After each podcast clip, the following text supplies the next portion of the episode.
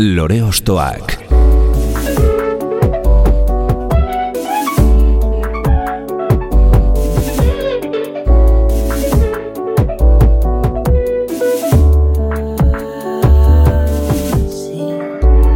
Ekain perezek aurkeztuta, gonbidatu bakoitza lore bat balitz bezala ostokatuko dugu. Jakiteko, zeintzuk diren bere lore ostoak. Haupa, zer moduz, ongietorri lore ostoak saiora. Gaurkoan, Donostian, 2000 eta amabostean sortutako talde batekin dugu zita, edo bertako partaide batekin, behinik behin.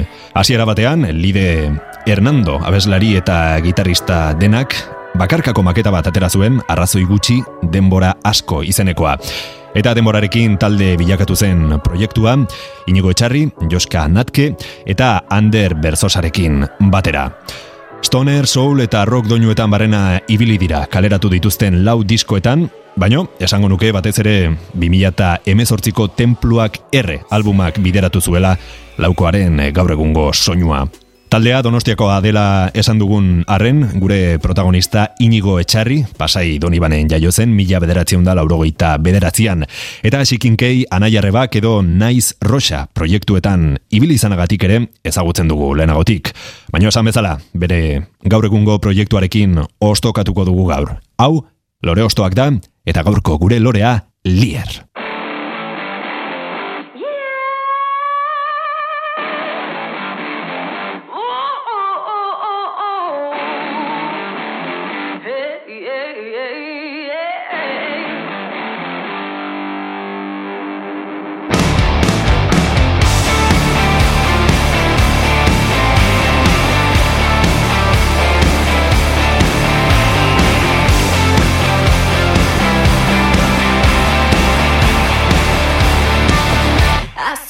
Azidozko ametxak Garratzi izan daitezke. Kolpetik esnatzean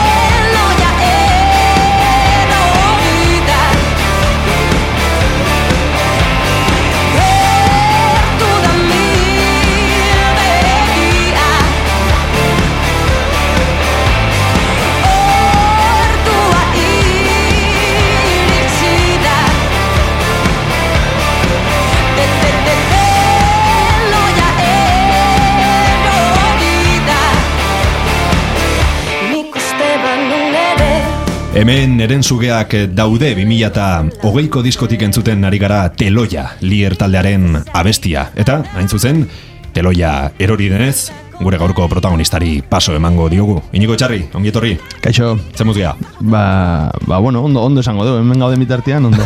bueno, ez da Eta gutxi. ez etxetik. Hori da.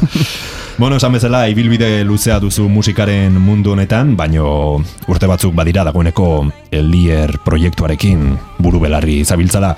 E, nik gainetik pixka bat azaldu dut, baino esaiguzu zuk nola sortu zen Lier edo nola iritsi zinen, edo zineten, zu eta zure taldekideak e, gaur egun zareten taldea osatzera. Ba, bueno, gu, esan da ezagutzen gehala txikitatik, ikastolatik, e, zurrela ikastolatik, eta, eta bueno, beti auki degula, osan ez talier proiektua sortu edo ez, e, ezagutzen gehala, eta beti auki degula harremana, Eta, bueno, ba, 2000 eta maiatzan, e, lide animatu zen bere kabuz gitarrakin kontzertuak ematen astera, e, grabatu zuen zaldibin e, Joskan baserrian hor e, e, maketa, boskantuko maketa, aip- aipatu duzun maketa hori. Eta gero sortu zen, ez dok amaitu edo, bueno, e, montatu zuten hor egiako gaztestenan kontzertu bat eta unai pelaiok animatu zuen lide, esan zuen, zertik ez dituzu hartzen inguruko musikari batzuk eta eta grabatuta dituzun kantu horiek e, abandan edo zertik ez dituzu jotzen.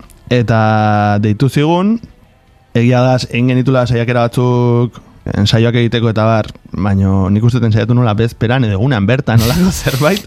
Osea, etxean ikasen dituna bestiak eta behaiek bai ensaiatu zutela, justo lehenengo kontzerturako baterian haitu zen Iban Zanktuluser eta, Mhm. bueno, bisaien abesten zuen. Bai, bai, bai. Txusta, Physis versus Nomoseko eh, abeslaria eta gitarra, eta eta boskotean eta ginean lehenengo aldiz. Ah, Eta ingenun hori, eta esan genuen, joke guai. Ba, hau, er, ze, errepikatuko dugu, eta, ba, atazan beste aukera bat, gero beste bat, gero beste bat, eta azkenean, ba, elur bola bat bezala ez, gaur egun arte. gaur egun arte. Hemen erentzugeak daude izeneko lanean e, bortxaketa bat hartzen da diskoaren ari edo tematika nagusitzat, badakin lide dela hitzak idatzen dituena, e, baino konta iguzu pixka bat lanaren nondik norakoa edo zertaz hitz egiten den, bertan. Ba, hemen zuga gaude diskoan gertatzen dena da, emakume baten historia kontatzen dela, hileko agisten zaio momentutik, kartzelan bukatzen duen arte.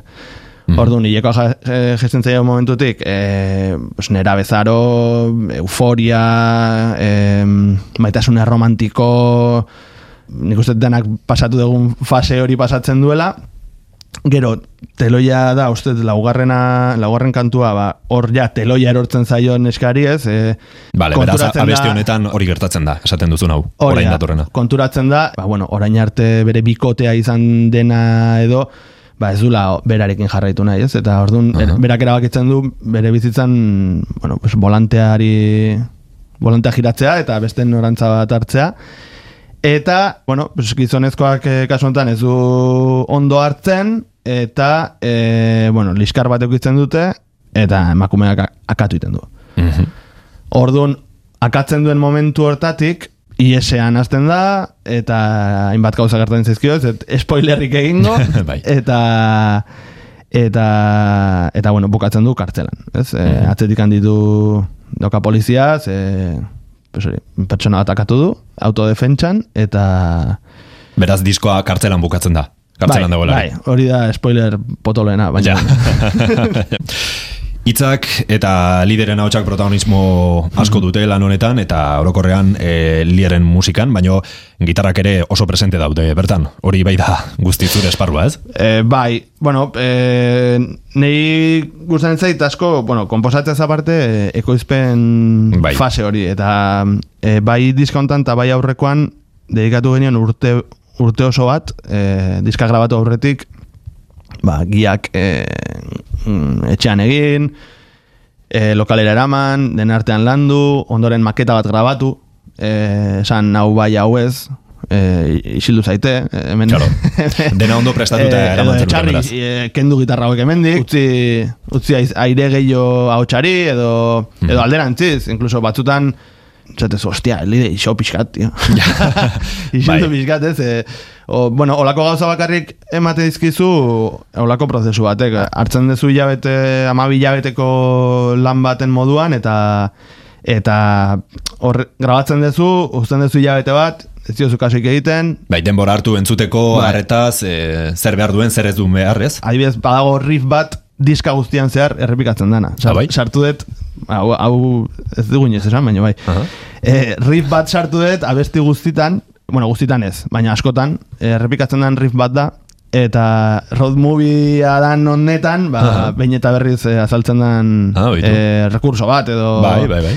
Eta hori adibidez baita ere, izan daiteke, e, ba hori, urte, urtebeteko lana hartu izanagatik, ez? Oso ondo. Bueno, ba, gero jarraituko dugu lierri buruz eh, gehiago hitz egiten, ze orain zure lore ostoen bilaketan jarriko gara. Zerekin Bai. hasiko gara, etxarri. Hasiko gea esaten konturatzen nahi zela zerrendan eh, ez dagoela emakumerik eta eta hori da esan barreten lehenengo gauza, ez? Bai. Eh, Bueno, horrela Eh, suertatu da. eh, horrela sortatu da, baino baita ere, bueno, agian, jo, eske ja, hogeita maika urte ditut. eta agian, e, ba, nik entzun deten musika edo, ba, zaki, laro hogeita marreko amarkadako musikan edo, ba, igual ez genitun emakumezko Bai, erreferenterik zerrenda hontan gainentzen den estiloan. Eta, hau esan da, ze, ze abestira, zure lehenengo autua. Ba, kuraiakin hasiko gea. Ez dakit, gaina hoen e, duela gutxi entzun deten diskoa da, e, piztu da piztia, eta eta e, naiz eta ja baitu urte batzuk e, Bai, 2000 eta bostekoa da. Eh, 2000 eta bost, baina maost urte, ba... Igaro da denbora. bai, baina hala ere, entzun nun, eta esan, jode, hau oso fresko iruditzen zait. Oso Ja. fresko iruditzen zait, eta eta gaur egungo musikariek ere badaukagu, ez dakit, zer ikasi, ez dela, ez, da, ez dela zar gehatu, ez? Dream Team moduko bat zen Euskal Rockari dagokionez, ezta? Bai. E, Bertan baitzeuden Fernando Sapo, El Corazón del Sapo taldeko abeslaria zena, Joseba Ponce, duteko bajista, Mikel Casalis, negu gorriak eta anestesiako gitarrista, eta Galder Izagirre, dut, eta berritxarraken azken etapako bateria jolea, azetaldea, eh? Eta, eta txap, soinu aiten, oza, ja... Claro, eh, borobiltzeko, ez? Bai, bai. Rock and Bai. rollak hiltzen eta izorratzen jarraitu behar du, ezta? Mm, bai, beharko du. Oain goz behintzat. Beno, ba, iruditzen zait inoiz izan dugun saio rockeroena izango dela gaurkoa. Bueno, Joseba Ponce ondarri biarrari otu zitzaion kuraia taldea sortzeko ideia eta Fernando Sapo bere lagunari parte hartzeko gonbita luzatu ostean, honek baiezkoa emateaz gain euskera zabestuko zuela esan zion, aragoikoa izanik, hitz egiten ez bazekien ere. Gaur li ertaldeko etxarriren eskutik bereskuratuko ditugu doinu bortitzauek. Piztu da piztia, 2000 eta bosteko diskotik entzungo dugu, kuraiaren zebra.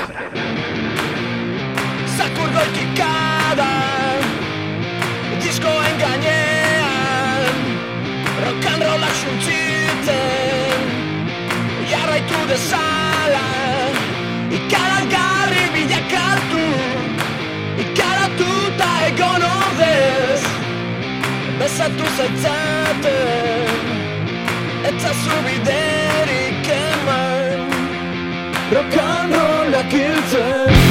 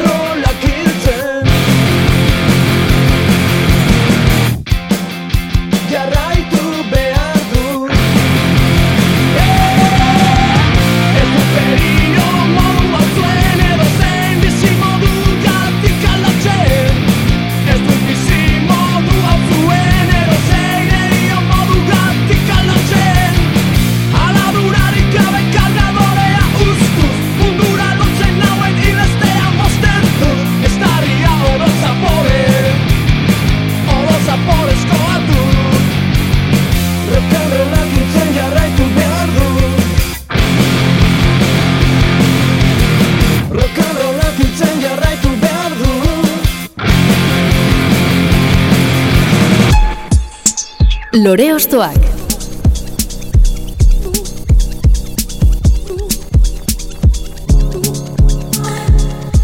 Kuraiaren azken eh, diskotik eh, piztu da piztia izenekotik entzuten izan gara zebra rock and rollak hiltzen jarraitu behar du izeneko mm, abestia liartaldeko gitarista den inigo etxarrik eskatuta eta orain eskatuko dizugu ba, beste lore osto bat.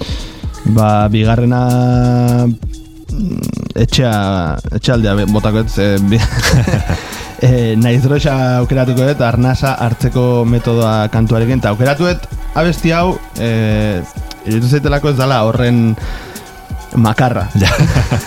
Piskat irrati formaturako edo Eh, pentsatuta edo Bai, dauka hor txastona kontran, eta esan, bueno... bai, puntu dantzagarri bat edo ez. Bai, ez dut sartuko eh, bekatu kapitalak edo ikaraturik irikitzen duen eh, Bai. eh, abestia. ze Jendea ikaratuko zaigu Bai, agian hor, entzule asko ez. irratiz aldatuko Bai. dute eta ez dugu nahi.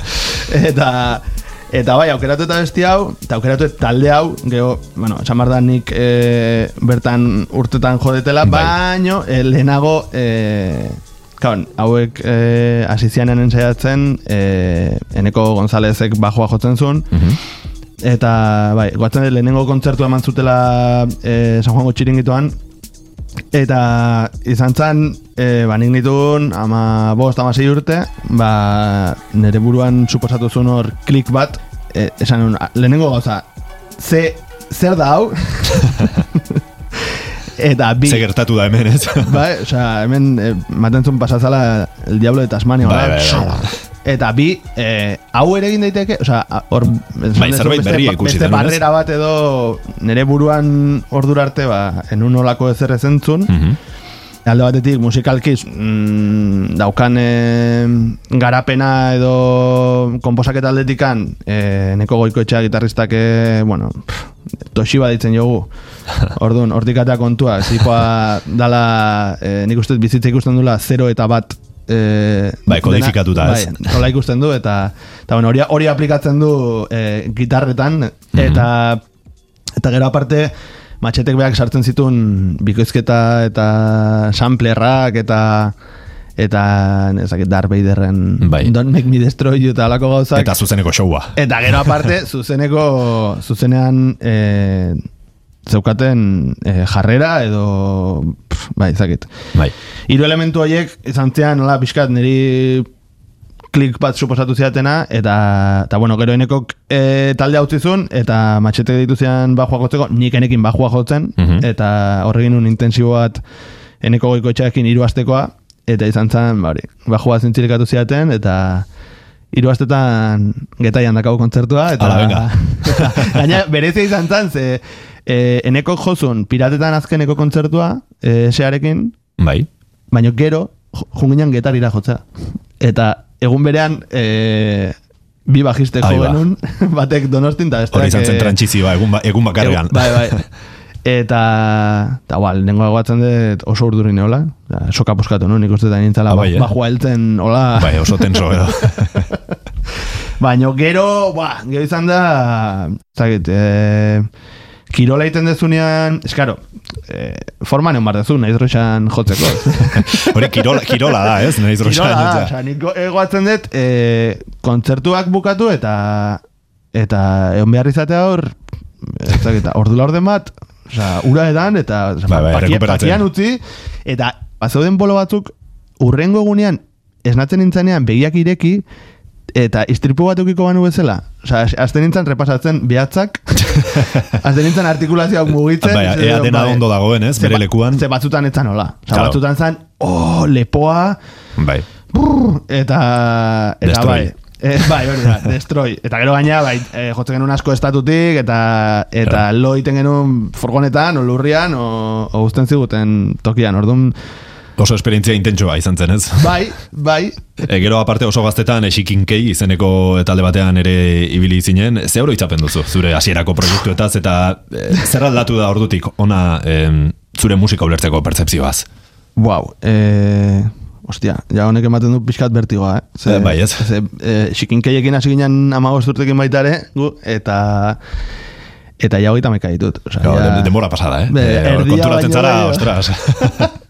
Bai, ba, ba ikastolan elkartu ginen lau xipote, eta eta ho- hoi igual, horre ere, goatzen dut, etzeola etzegola asmo berezirikola, bezik eta nekenola jo, jo, jo, goatzen dut, kontzertu asko, asko eman genitula, igual, berroita mar, eun, eun da berroita mar euron gatik, oza, gasolinan gatik. bai, bai, bai. Eta zerbeza pare bat, eta da. bokaio bat, eta... Bai. Eta eta hola kontzientzia handirik euki gabe ze eginan egiten edo edo noruntz gindoa zen bak, mm, bakarri egin un jo, jo eta eta leku desberdinak eh, ezagutu, jende desberdina egia da amazazpi urterekin eh, atazite egula Berlinen jotzeko aukera eta Ah, bai, eh? bai, eta goatzen dut txustak eh, txustak Physis versus Nomosoko Bai. eh, xikinkeien gitarra jotzen zunak eh, uste Berlinen bete zitula mezortzi urteako Ah, bai, eh? bat. igual konfunditzen nene ez dakit zenbat bete zituen baina Berlinen bai ospatu genuen bere urte betetzea hori seguro Eta bai, bai, banda basotekin jo genuen, eta gero behiek etorri zian gaztetopagune batera, eh, hemen lezon ospatu zen gaztetopagune batera, eta, Bai. eta guatzen dut ere e, egin jo genula, eta baita, eta behiek ere, eta han egon ginen.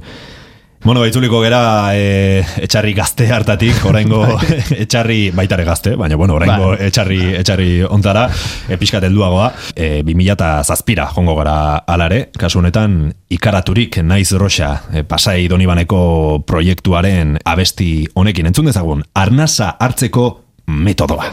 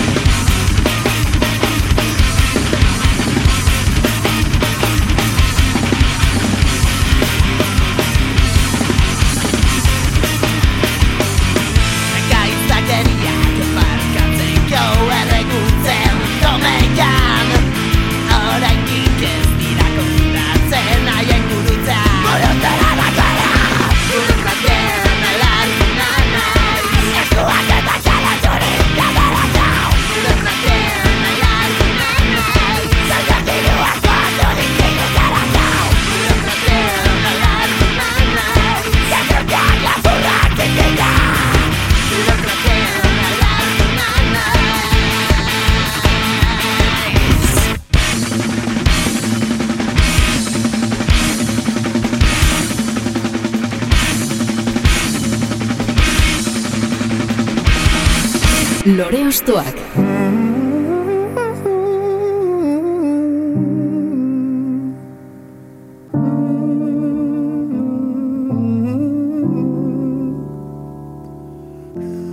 Pasai Donibanen inigo etxarri gure gaurko gonbidatuaren jaioterrian izan gara naiz roxa taldearen hardcore doinuetan modu pekuliarrean idatzitako arnasa hartzeko metodoa abestia entzunez. E, komentatzen ari zinen orain etxarri gainera e, hor zati bat badago kantuan nahiko komplexua jotzeko, ez? Bueno, zati bat baino gehiago esan duzu, baino Bai, e, bai hori, bueno, e, galdetu barko genioke eneko goiko etxeari, ez? A ber, e, nondik atera zuen a ber zego saltzen du. Ja. Edo olako gauzak egiteko, baino... Bai, da, dago hori, kaja... A ber, igual ja gaur egun, eske, galdetu dizut, ze, e, jende asko Bai. kagian ez du ezagutzen, baino lehen, kaja etxazpiko dendara erostea juten zinean, kajak, ite, papera atatzen zanean, iten zuen txan, txiki txiki txiki txiki txan, txiki txiki txiki txiki txan, txan, txiki txiki txiki txiki txan, eta pixkat hortikan inspirazio hori hartu zuen. Bai. Oso ondo, bueno, naiz roxa alde batera utziko dugu, pasaido nebanetik, orain e, noragoaz. Ba, hain urrutira jungabe bidazo aldea, jungea. Aha. Eh, Ondarri bira, ez? ondarri bira. Eh, Txilozibe areto mitikoaren inguruetara. Hori da. Bueno, ondarri, ezakit kalderrek eh, onartuko duen, ondarri... Bueno, ja, agian, Horregatik esade bidazoa. bai, badazpadare ez ara busti, ez? Ingur, inguru, inguruetan jarri zara, eta... Esan ez bidazoa, eta ja... Baina bai, horre dut... Eh, bakizut dut, esaten dugu dutek ditula bidiz, bidizko hola gure markatu gaituztenak edo, bat da at, eta ez da ak. Ze, askatuko rapilloak esan beharrean, zaten dugu, at, zuzertzea de at, o de ak. Vale. Ni, ni naiz gehiago ak, eh, askatuko rapilloak ekoa. Aha.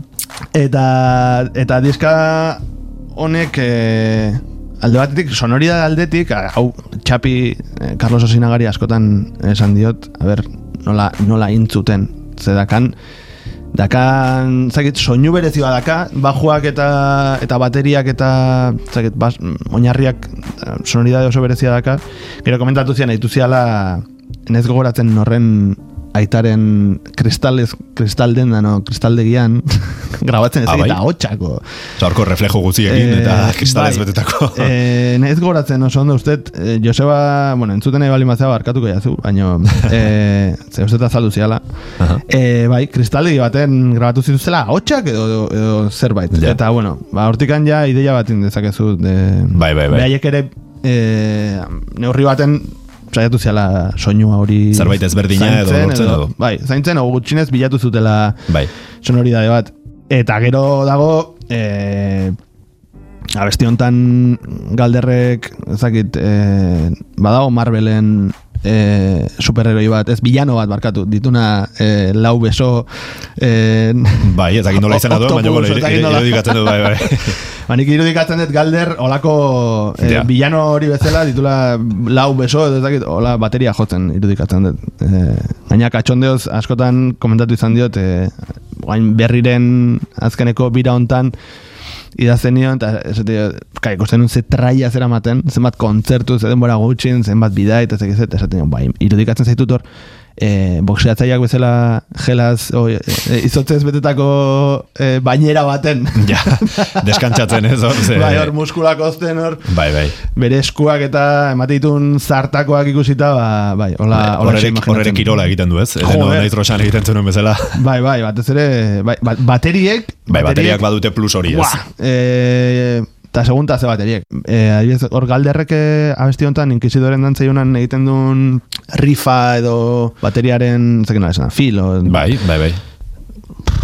Osea, ni horrekin gatu nintzen erotuta, ez? Osea, ah, baina, karo, hor, za pentsatzen, ja gehiago agian numerotan, zenbakitan, e, e, musikalidadean baino, Claro. ez zu, ah, ta, ta, Analizatu eta... ikasi jotzen eta gero, ah, bale, hau egiten du honengatik eta eskalak eta eta holako askotan jendearentzat petardo sonatu Bai. dezaken izk, izkera edo kontzeptu guzti horiek, ba, ba, guzti horiek ikasi eta eta hori, adibidez, hemen e, bateria izan zen nola gehien harritu ninduna edo eta, eta horrexatik e, aukatuet.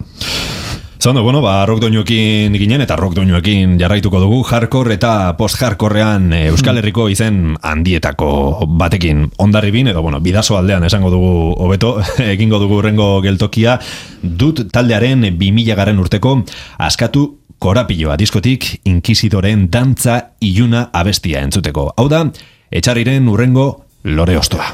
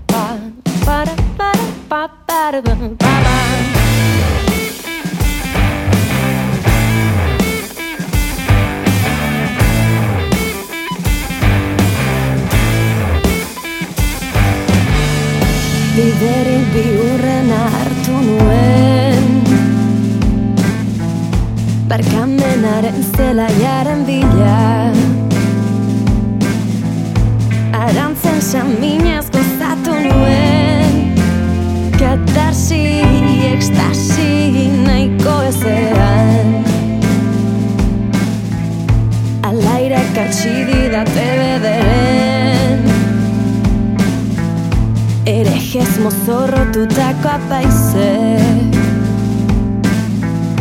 Erruak egiten gaitu oberen. Ea nor sentitzen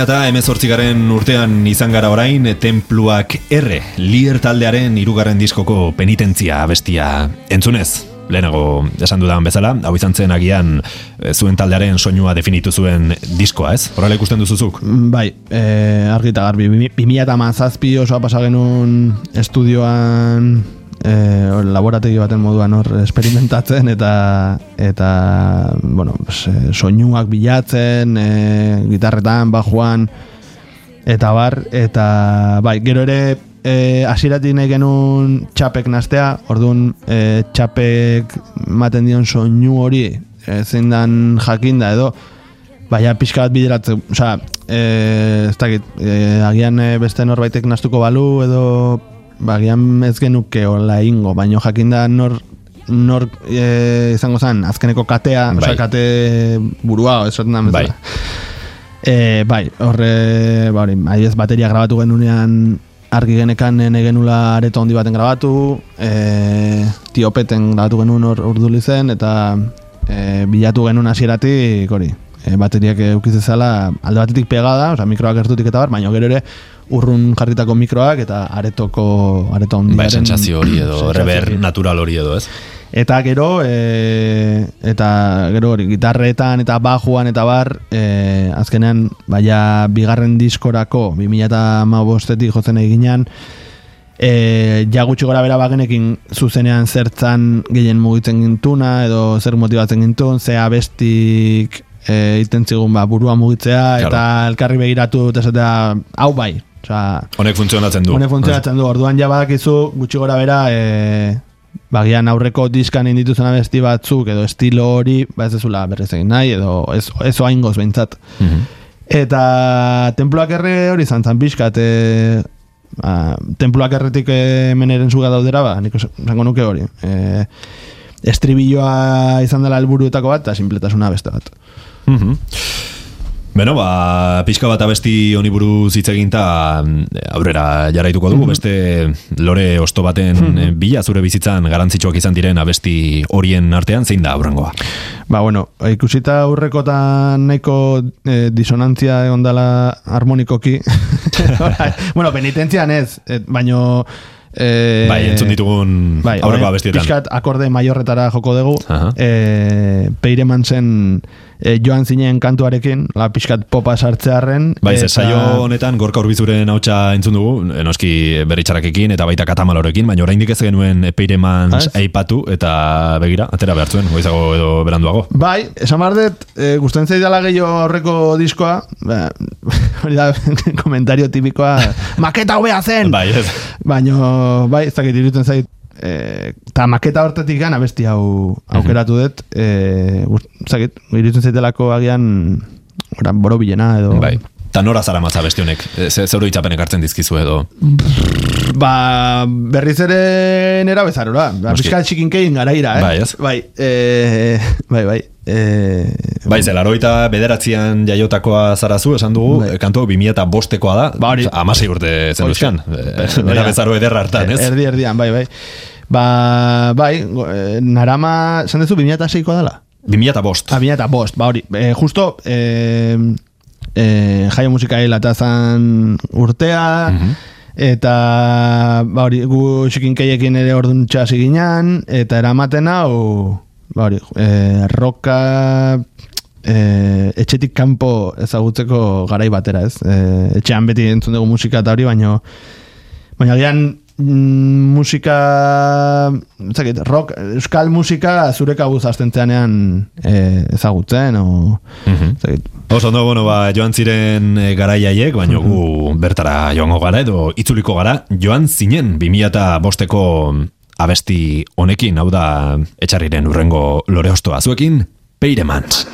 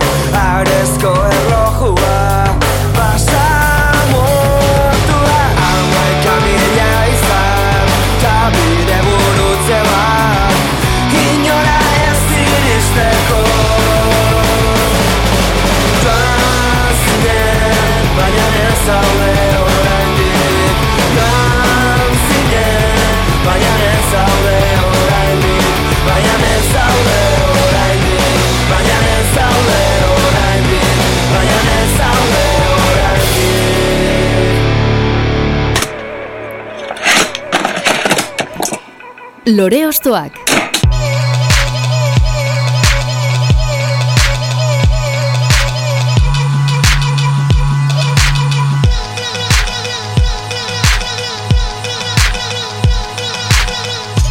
Aurrera jarraituko dugu kantu gehiagoren e, bila peireman zetaldearekin gorka urbizuren ahotsa alde batera utzi eta beste ahots bat hartuko dugu lore ostoak saioan, ez da etxarri? Bai, ontxe irugarrenez presente egongo da eh, Joseba Ponce handia. Ponce, bai. Baina nintzen repaso egiten, da bai, irugarrenez... Eh, Ba, Elenik uraiarekin gero duten eta oraingoan bakarlari moduan, bai, ez? Bate batek esango du, jode, zakazu besteik. Ba, egia esan, gauza askotaz konturatzen nahi hemen, eh, orain.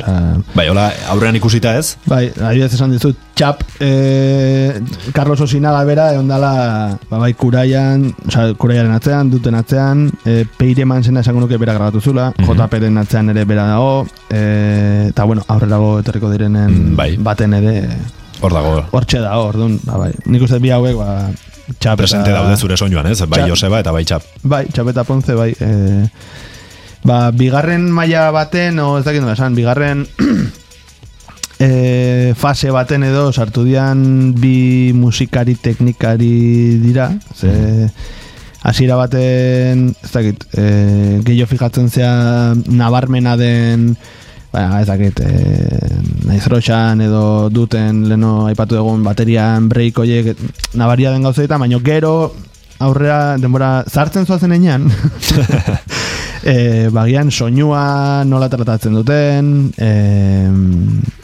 e, nola dagon komposatuta gitarra edo edo ze ba, bateriaren bateriako horrenbeste areto edo horrenbeste sale ukitzea adibidez da txapen en, zera, ezaguarritako bat o, eta horiek olako gauzetaz ba, agian konturatu naiz bigarren bigarren buelta baten edo Bigarren entzunaldi batean edo. Bai, eta adibidez hori, aukeratu dut JP Loian, e, ba, alde batetik, pena ematen ditelako, e, Joseba, jarri pilak eta atea jotzea, ba, pena ematen dit, intzitulako bakarrik bost kontzertu, intzitun uste eta tabalen, gazte eszenan, e, gaztitzen ezakin nun, Bilbon, eta eta ezakit, bosgarren ezakit, igual lau intzitun, eh? Mhm. ez goratzen. Be, hor gainera juntatu zuen berriro ere Dream Team Hori moduko bat, ez? hori esan behar nizun, hor egin zuen bere beste behin, bere Dream Team hori, hor bai, Sesma, eh, Txap, eh, Libe, Bai, Galder, Galder, eta uste ez dela inor uzten kanpoan. nik uste ez ez. Txap ezin zan teknikari lanetan egon, bajua jotzen naizalako. Hori da. Eta, eta guatzen dut, e, izan zala, hola, oza, ze gauza freskoa, oza, a, aldi beran iluna da, diskoa, baino sartu zan oso fresko. Eta batez ere Euskal Herrian, e, Euskal Herriko panoraman eta izan zen, ostras, hau e, zerbait berria da hemen, ez? O, Bai. zerbait ezberdina behintzat. Eta gero, Josebakin hitz egiten duzu, eta igual, e, esatezu, irurogeita amarreko amarkadara Bai. dagoela gehiago begira, ez? Eta, eta jode, hemen bimia, oza, berroita amar urte beranduago hau hemen berria da, Mm, bai. ba, Eh, zer, hausnarketara, zer pentsatua eman, ematen du, ez? hausnarketara gonbidatzen Bai, bai, bai, bai. hemen entzulegoaz, e, bai, eta, eta gero horretaz gain, e, aterazun bideoklipa, beak marraztuta, bueno, esan behar da, diskoa berak grabatu zula, edo hori dio, Mm, Eh, bai. graba, berak grabatu zitula instrumentu guztiak, bakite ukizula e, galder eta liberen laguntza, Bai. ez puntutaraino. Bai, horregatik da EJP Eloian eh, han klonen klana izeneko hori, ez? Bai. Klon moduko bera klonatu zen eta Hori e, instrumentu guztiak jo, berak jo zituen, Hori ez? da. Eta bai, eta gero aterazun bideoklipa, marrazkiekin berak marraztutako bideoklipa, gaina esate dizutenean, berak egin du dena, baina eske bideoklipa ere bai. Bai, bai. Bueno, bai, aipatu dugu, eh, hasieran ez zuen zuzenekoak emateko asmorik, baino izan zuen harrera ikusita edo azkenik berriro ere e, galder izagire, bateria jolearekin elkartu zen, eta alboan Lisaboko eh, Carlos Osinaga, Kasbadeko Gorka Sesma, eta sorkun edo Izaki Gardenakeko Libe Garzia de Cortazar elkartu zituen beste e, supertalde bat osatuz. Bai, bai. Entzun dezagun ba, ziurrenik gure herriak eman duen proiektu berezienetako baten, abesti bikaina hau. JP Loian, Anklonen Klana, 2008 goaz, alperrik da apaintzea abestia entzunez. Hau da, liartaldeko etxariren urrengo lore ostoa.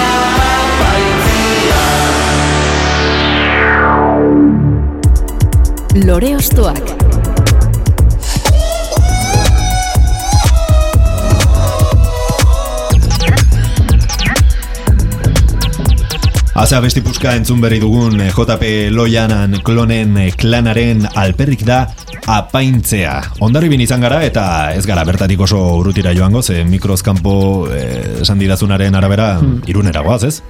Eh, hoi da, ontxe bertan, eh, ba, Fermin Muguruza tarteko, beste, bueno, beste Dream Team batera, eh? Hori da, hori da.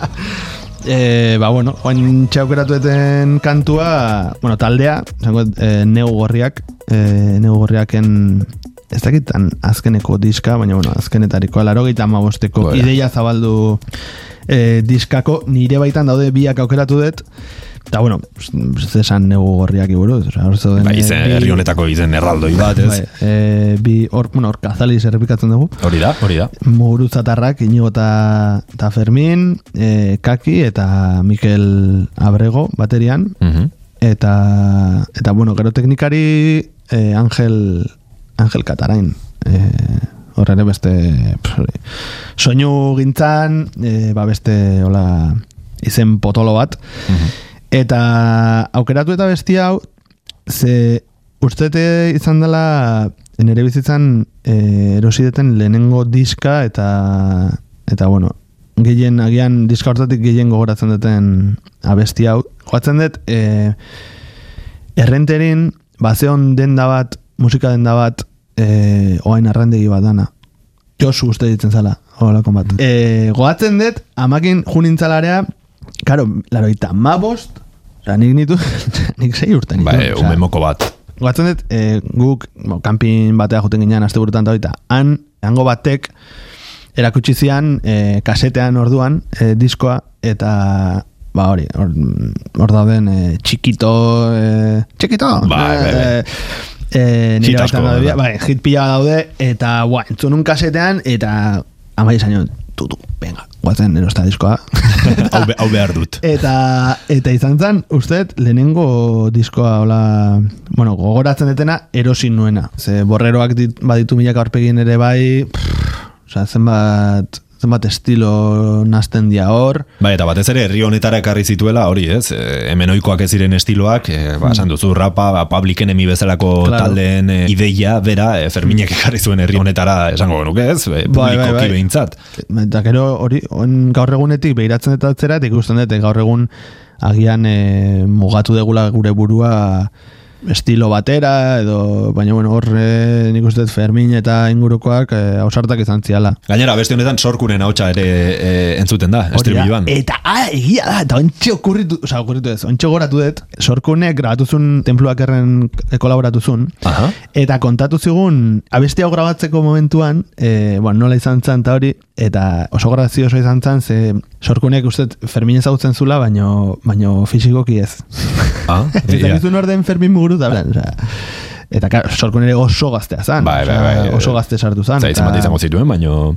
Eta, bai, bai. Bai, nik uste hemen eman zela ezagutzera hola e, jendaurrean, batik bat, ez? E, Fermin muguruzarekin, eta Ferminek eman zion Bai, apoio Igual zituen, ama urte, eske piratuko, bueno, ez dakit, baina Bai, bai. E, oso gazte, eta gero ja mendikan, ba, nik uste e, hor oi hartzunen eintzan hitz eta Bai. festi hortan ja ba, cash bat eta dut, eta hau edanak, e, esan ozen giren inguruko talde hauek ba, jozutela, eta eta hor nik uste hori eskaparate bat izan zela, bai, baita ere etorkizunera begira ez, Eh, ostia, ze talde, ze talde izan zian gara jortan, horre, nik uste askok jodegula, edo YouTubeen mentzat azal, askori azaldu, azaldu zeigula hitz egineko Bai. eh, Kartel hori, ez? Bai. Eta, eta hori, gero, eh, nire baitan daude biak eh, aukeratu dut, eh, ba, bueno, rifa oso potente iruditzen zaitelako, eta baita ere gero beste behin samplerrak eh, sartu zituzten, Mhm. eh, badakit hor kakiri gustatzen zitzaiola saltzatzea samplerrekin eta ba hori, eh, aber nola egiten zuten estatu batuetan eta kontatu didate Nueva Yorken. Eta eta eta hoixe eh, lehenengo lehenen, nire lehenengo diskoa erosi nuena eta eta hortxe Mhm.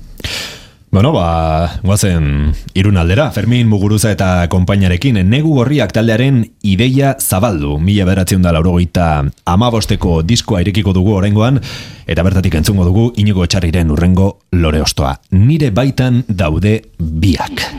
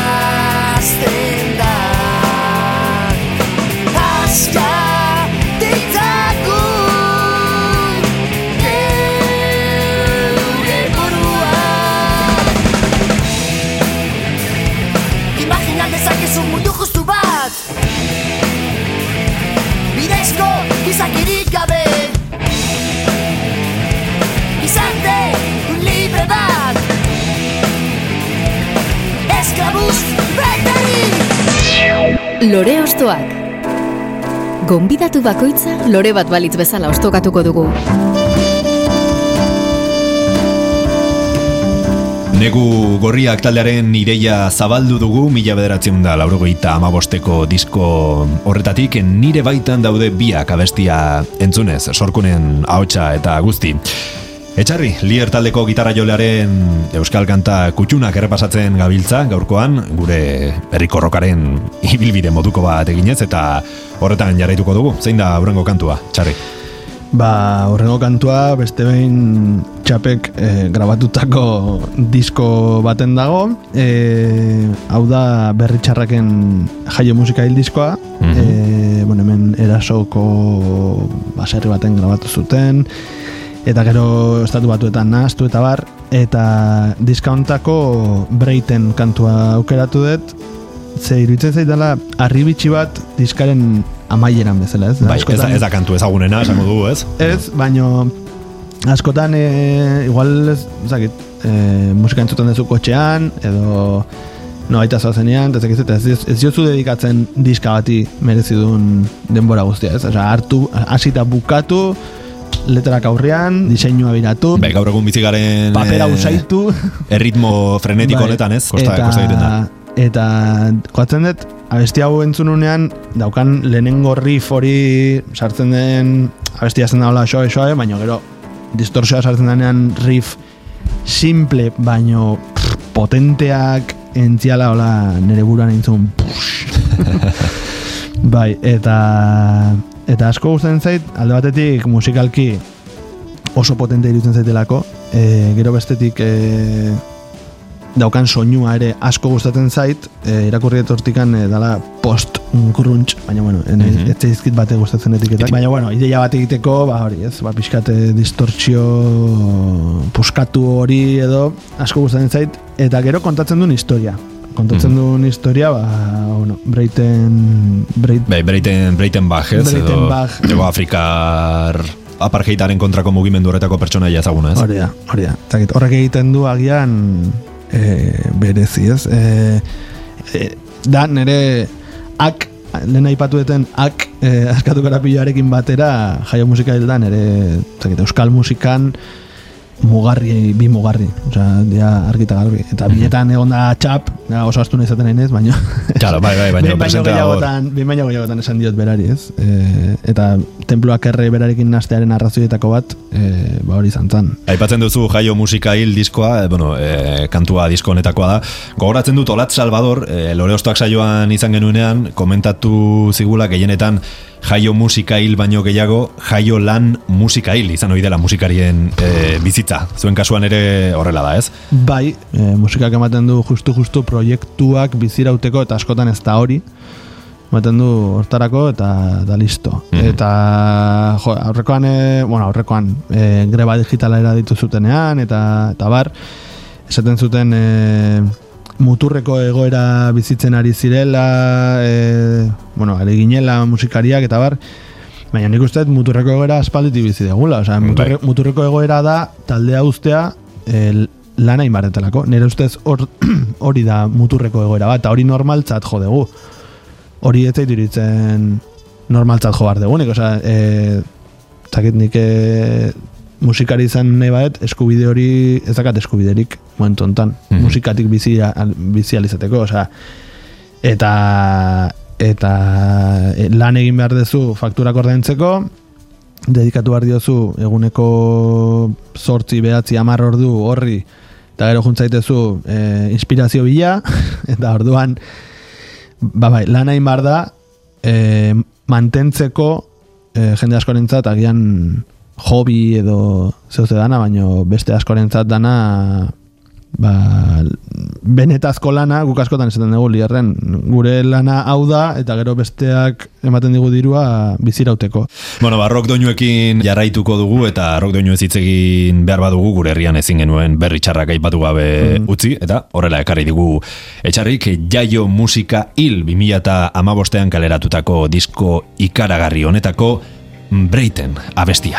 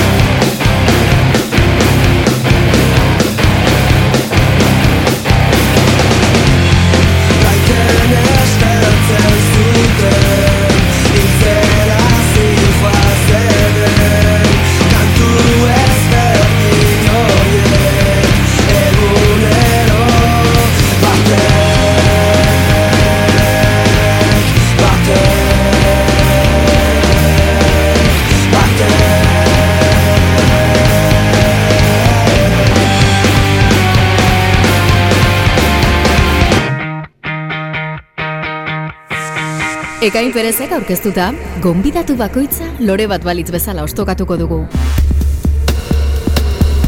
Lore ostoak.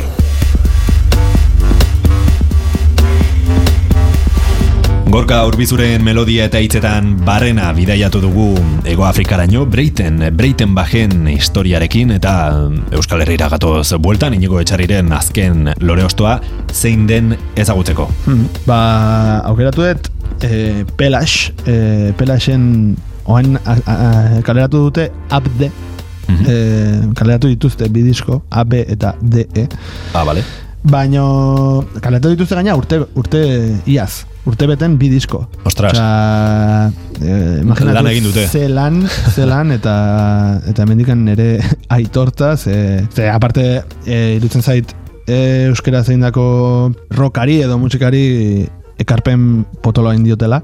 Donostiara da edo dira, ez? Bai, donostiarrak, eh, esango nuke denak diala donostiarrak, bai, eh, ba, Inigo Zaeta, Iker Vázquez, Iker, Iker Vázquezek eh, aurreko garaian, templak erreren garaian bateria jozun liarren, Aha. eh, Andoni eta eta unai, bai lauak. Dena delitua da. Aurreko diskako kantu bat da, asko gusten, oza, asko asko gusten zaiten diskoa da. Ez da horren agian abde hau abde honek agian gehiago dauka e, bueno, at the drive eta Mars Voltako Mar Rodriguezen bukleak egiten gauza irregularrekin olako, bueno, olako Jokoak ge- gehiago dauka hortik. Aurreko diskan talkak egiten du dialektikan, ba bueno, iruditzen zait e, baita ere, hola, zarata gutxiegi e, uki duen edo atera duen e, diskotzarra. Mhm.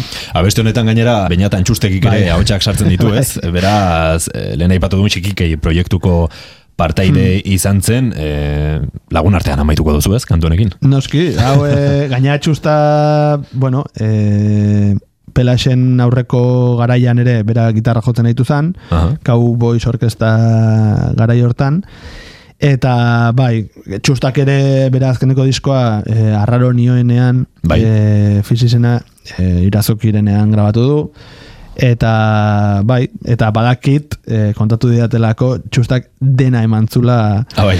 e, diskau grabatzen e, dena, dena delitua ze, bueno e, ez dakit irudirik badagon baino kontatu zidatenean bezala grabatu baldin bazun Ikustekoa izango da, ez? ikusteko izango zen txusta ba, bueno, e, euneko berreuna ematen karrasika hor e, dena Ze ona.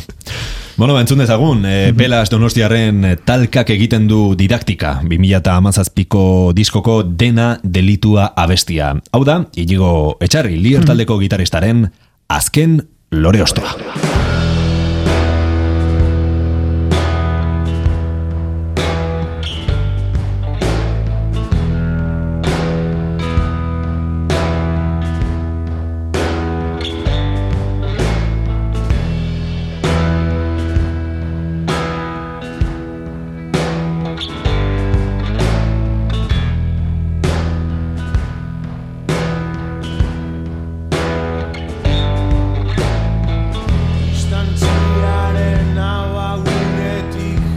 distance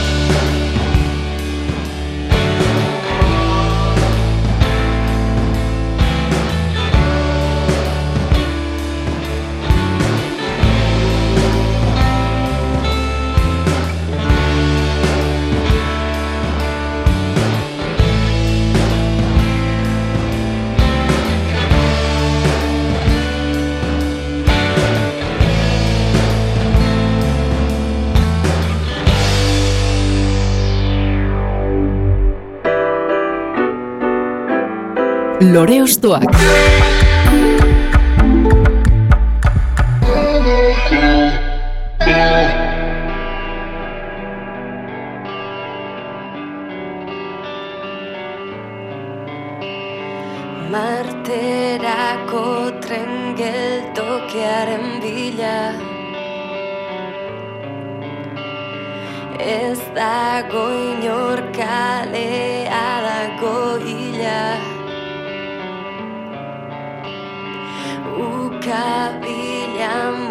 Eta duda pila. Lehen beka Sariak horrik az dadila. Da murik ez Errukiaren estolderietan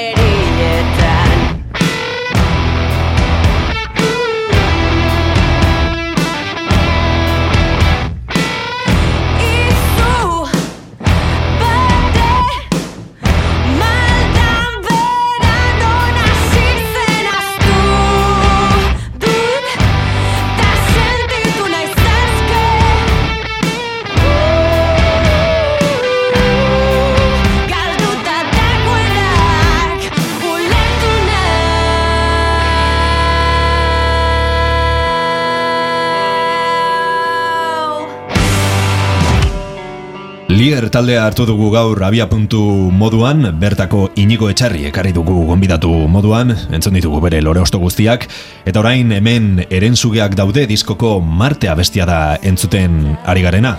Marten bukatuko dugu beraz, saioa? Bai, bai, e, gure diskako protagonistak horre historioan eskatzen du, ez? E, momentu baten ja egiten du pakto bat e, oneziarekin eta esaten du, bueno, jazta, ja, zuk irabazten duzu, osea, e, ezin dut korrekta izan, ezin Ja. dut, e, ezin dut hola jarraitu, orduan, bueno, hemen dikan aldik nahi dut, eta eraman nazazu alik eta urrutien, edo berak e, beretzako urrutien dagoen puntua Marte da, orduan berak hori eskatzen du, ez. Eta gure protagonistak, ba, justo momentu hontan Marten, ba, ja erabakitzen du, bueno, ja, e, bani joa. bani joa, hemendik kanpora, eta Berdin zait erenzugeak egotea, baino panua. Eh, bai, hori da. Igual bukatuket eh, ni izaten eren zuge da. edo, edo eren zuge igual, incluso atzean utziko ditut eren zugeak, ez? Aha. Bueno, batxarri, mila esker gurera etortzeagatik, gustura egin dugu zure lore ostoen errepasoa. Bati baino gehiagori Euskal Herriko rock historiaren masterclass moduko bat egin diogu, edo zati bat behinik behin, agian bigarren atal bat egin barko dugu. Bai, bai, bai, esan izun, eh? Korreoz idatzi izun, asko kanpoan gatu dira. Bai, eta gero ere, bitu, bigarren bat inbarko dugu, ze agian e, ez dian ere erreferente izan, baino erreferente izan daitezkeen, e, lehen esan duten bezala, emakume roka egiten duten, emakumeen zerrenda bat ere guztua ingo nuke. Aha. A- Bia, agian liderekin batera. Ah, beitu. Er, erdi bana. Bale, ba, kontutan izango dugu. Bazorte hona padizuet, ea e, zuen musikarekin erentzue guztiak akabatzen dituzuen, eta eskerrik asko, etxarri, gurera etortzeagatik. Zuei mi esker. Eta zuri dagokizunez entzule beste behin mila mila esker gurekin ordu betez Euskal Abestien unibertso ederronetan barrena bideiatzeagatik. Ondo izan, eta hurren arte.